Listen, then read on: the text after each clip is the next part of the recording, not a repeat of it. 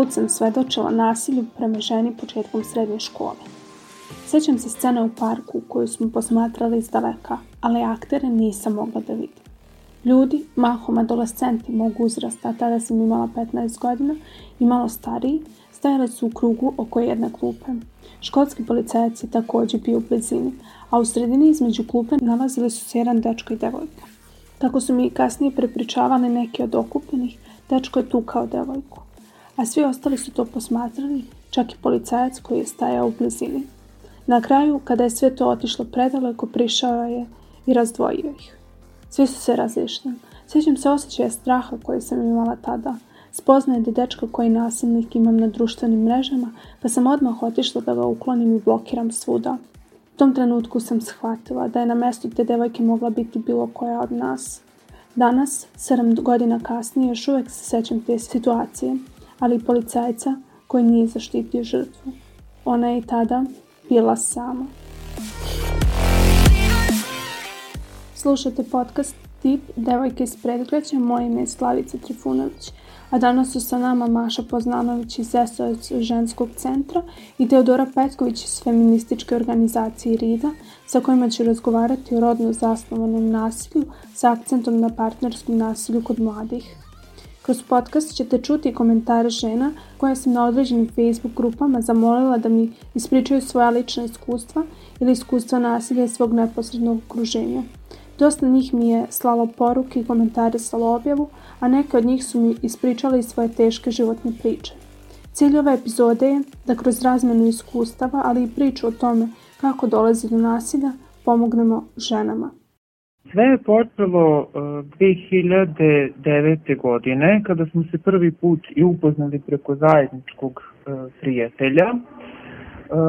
On je na početku bio jako divan, topao čovek sa puno razumevanja, duhovit, omiljen u društvu i delovao, delovao je kao stvarno jedan jako divan, topao čovek.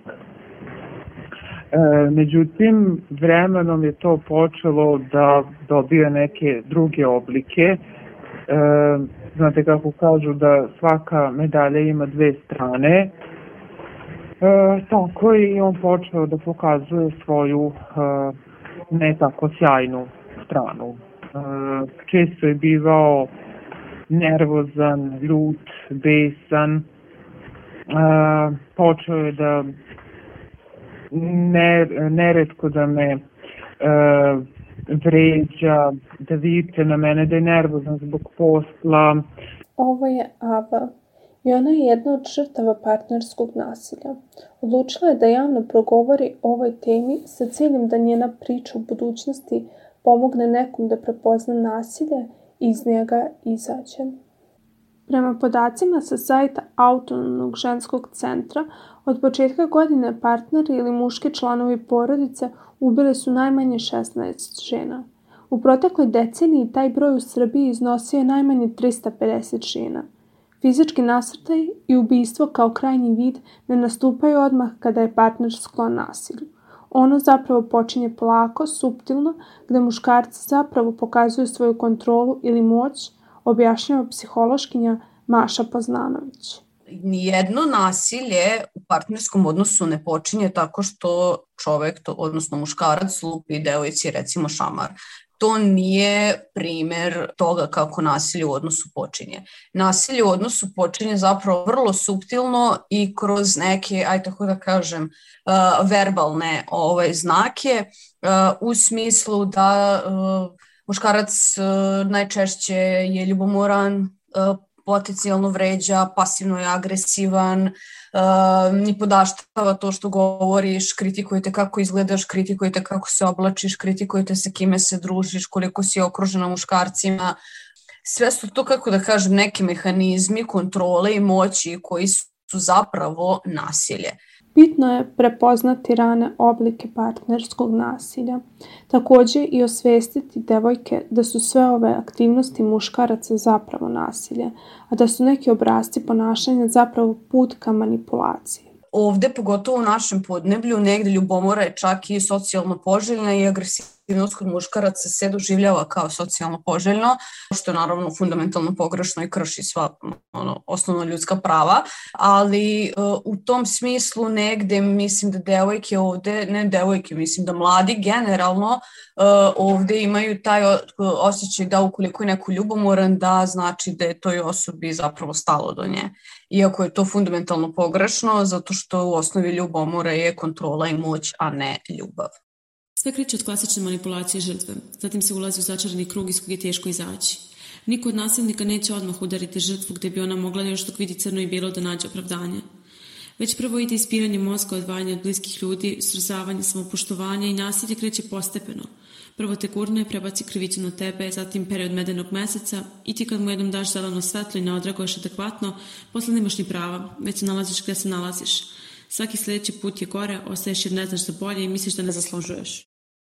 Najvažnije je da budemo edukovani, informisani i osvešćeni, da znamo da prepoznamo kada se nalazimo u situaciji nasilja, a kako kaže Teodora Petković iz organizacije RIDA, bitno je da znamo da postoje resursi koje možemo da iskoristimo kako bismo izašli iz takve situacije. Naravno, nije svaka situacija ekstremna da su nam, da su nam potrebne intervencije nadležnih organa ili psihološka pomoć, ali prosto biti informisan i znati šta se dešava jeste prva i osnovna stvar, ako ne i najvažnija u procesu izlaska iz nasilne situacije. Nasilje nije samo fizičko. Kada partner fizički nasrne na ženu, ona ima svoje druge vidove.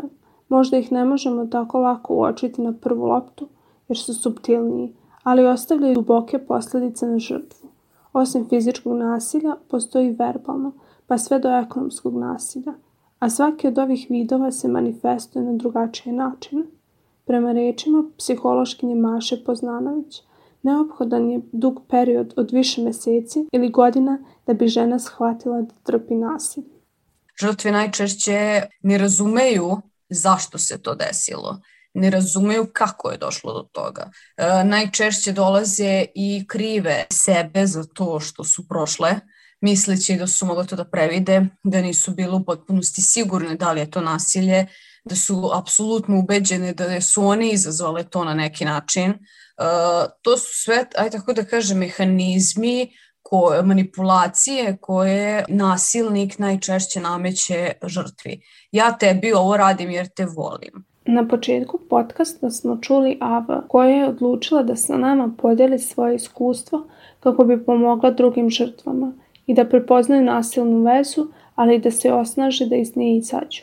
Ona kaže da je njegovo ponašanje, kada je često bio nervozan, ljud, pesan i kada je počeo da je vređa i viče na nju, bio samo uvod u ono što će tek uslediti. Na njegovo ponašanje se nastavilo i postalo je sve gore i gore. Sve, sve češće i češće je bivao agresivan, ljut, počeo je da razbija stvari po kući, tanjire, pretio čak i svojim samoubistvom, da želeo je i sam da se ubije krenulo, krenuo je da me omalovažava, da me konstantno vređa, da sam glupača, da sam nesposobna, da ne valjaju da ne valjaju drugarice i prijatelji s kojima se ja družim, da mi je rodbina nikakva. Na neki način je hteo da me odvoji i izoluje od svih poznanika, prijatelja, rodbine i tako dalje. Psihičko, a i povremeno fizičko nasilje narušile su zdravlje Ava, a posle nekog vremena, kada je osvestila da je to što je se dešava zapravo nasilje, odlučuje da se suprotstavi nasilniku. Jedan dan kada e, sam se vratila sa posla, ostavio je mene i dete e, kući i rekao je sad, da, zatražio je telefon moj da vidiš s kim se ja to dopisujem. I ja sam po prvi put uh, odbila da mu dam svoj telefon iz razloga što, ne zato što u mom telefonu je bilo nešto da sam se ja dopisivala sa nekim ili nešto, nego prosto uh, toliko je zadirao u moju intimu i sve moje da mi je više bilo aman više kao dokle dokle ćeš više i telefon da mi proveravaš, e, da mi, da mi kontrolišaš s kim se čujem, s kim se viđam, šta oblačem, gde idem, šta jedem, se prosto dokle više. I on je tu bio jako ljud što ja njemu nisam dala telefon svoj na uvid. i uh, otišao je negde besan i rekao je sada kada se vratim kući vidjet ćeš šta će ti se desiti. Ovakva situacija u kojoj se našla i pretnja koju je dobila uplašile su Avu i ona odlučuje da pozove policiju. Policija je poslala e, službenike na teren koji su došli, e, obavili su kratko razgovor e, sa, e, sa mnom i sa njim posebno i zatim su nas e, pre, e, prevezli u stanicu policijsku upravu e, gdje su nam detaljnije uzeli izjave i njemu je momentalno određen određen zabrana prilaska na 48 sati. Ava kaže da je najviše razočarana u postupanju institucija prema njoj kada smo bili u policijskoj stanici, e, inspektorka me neka ispitivala, e, rekla mi je onako začuđeno, kao, pa što, kao, što ste vi, što ste vi uopšte došli, kao, pa vi niste, niste modri, niste pladi. Što sam se ja onako začudila, pa šta sad treba da budem plava i modra, mislim, prosto nisam se valjda zbog toga rodila, da me neko još i tuče. Ovo je tabu tema o kojoj se, nažalost, veoma malo govori. U javnosti se žrtve viktimizuju, a zakoni protiv nasilja nad ženama su u praksi katastrofa. Ne postoje adekvatni mehanizmi i nasilje u našem društvu se kotira kao deo patrijarhata, što je totalno pogrešno. Veoma često žrtva ne može lako da izađe iz odnosa u kom je partner nasilan. Možda ne vidi izlaz. Možda je jako dugo u nasilnom odnosu i veoma je teško da se osnaži za takav korak. Uz to, različite su situacije u kojima se žene nalaze i u kojima trpe nasilje, ali je bitno da pronađemo određene mehanizme kojima ćemo pomoći žrtvi. Ono što je zapravo krucijalno za žrtvu koja trpi neki oblik nasilja, koji god da je oblik nasilja, jeste da žrtvi pružimo podršku, da napravimo za žrtvu prostor koji je bezbedan, da ona procesuira ono što je se desilo i da ako imamo, da je ponudimo resurse koje mogu pomoći. To može, na primjer, biti psihološka pomoć, to može biti upućivanje na telefona SOS ženskog centra ili autonomnog ženskog centra, pa čak i centra srce. To prosto može biti bilo šta što će žrtvi pomoći da ona izađe iz nasilne situacije ili iz ciklusa nasilja koje trpi. Pa ipak često se dešavaju situacije da čak i kada se prvi znakovi nasilja predoče žrtvi, nju je teško to da prihvati to je nešto što stvarno je izuzetno delikatno i izuzetno bolno za devojku koja prolazi to, koja prolazi nasilje. Šanse da kažeš e to nije ok, prijavi da ona to uradi nakon toga odma su izuzetno skoro pa minimalne, zato što negde psihološki ona verovatno nije spremna da u datom trenutku kaže e ovo je nasilje, zato što ona i dalje tog čoveka idealizuje i voli najviše na svetu. Najlepše je reći što ga ne prijavi, zašto ćuti i slično. Kada se nađete u toj situaciji, onda ne razmišljate tako. Imam iskustvo od ličnog do razgovora sa mnogo devojaka organizacije koje smo sve posjećivale, ali manje više će vam sve devojke reći da su čutali iz straha, da su se bojale šta će biti ako sazna za prijavu, osobe koje nisu imale podršku i nikog svog, osobe koje nisu to smatrale nasiljem ili su ga opravdavale rečima neće više obećali. Kada su u pitanju mladi i nasilje, prema istraživanju koje je sproveo Autonomni ženski centar, tolerancija na nasilje je u velikom broju prisutna među mladima, kao i da on ne razlikuju sve oblike nasilja, ali i da postoji razlika u doživljaju nasilja između momaka i devojaka. Kako ističe psihološkinja Poznanović, kod mladih ljudi je u većoj meri danas prisutno digitalno nasilje. Mislim da često se javljaju grupe mladih gde vređaju određenu devojčicu ili određenu devojku da dolazi do eskalacije nasilja u tom smislu da znači preko poruka, preko neželjenih ovaj, sadržaja, eksplicitnih sadržaja mm, sve su to neke stvari u principu koje, koje danas mlade devojke negde zahvataju i ajde rekla bi hm, da, mislim, u principu zastrašuju na neki način i mislim da je digitalni prostor takav da je sada sve toliko otvoreno i dostupno da nam apsolutno može svako da pošalje manje više bilo šta. i da je to nešto na čemu treba da radimo u cilju zaštite devojaka, a posebno devojčica. Bitno je da u situacijama kada prisustujete nasilju i adekvatno reagujete, a to možete učiniti prvenstveno pozivanjem policije. No zbog specifičnosti društva u kojem živimo, ljudi u velikoj meri na nasilje ne reaguju na adekvatan način. To je nešto gde mi imamo ovu kulturu čutanja gde kao kreni glavu, neprijatno je, nemoj gledati, nije tvoj posao, nije tvoj posao, gledaj svoje posla i tako dalje. Mislim, to apsolutno, mislim, u kulturi čutanja zapravo nasilje raste i održava se. Mislim, suština je zapravo da ti apsolutno možeš, kad vidiš nasilje, ne samo da možeš, nego tvoja obaveza da prijaviš. Teodora Petković ističe da svaka osoba treba da bude svesna da ne zaslužuje i ne mora da trpi nasilje.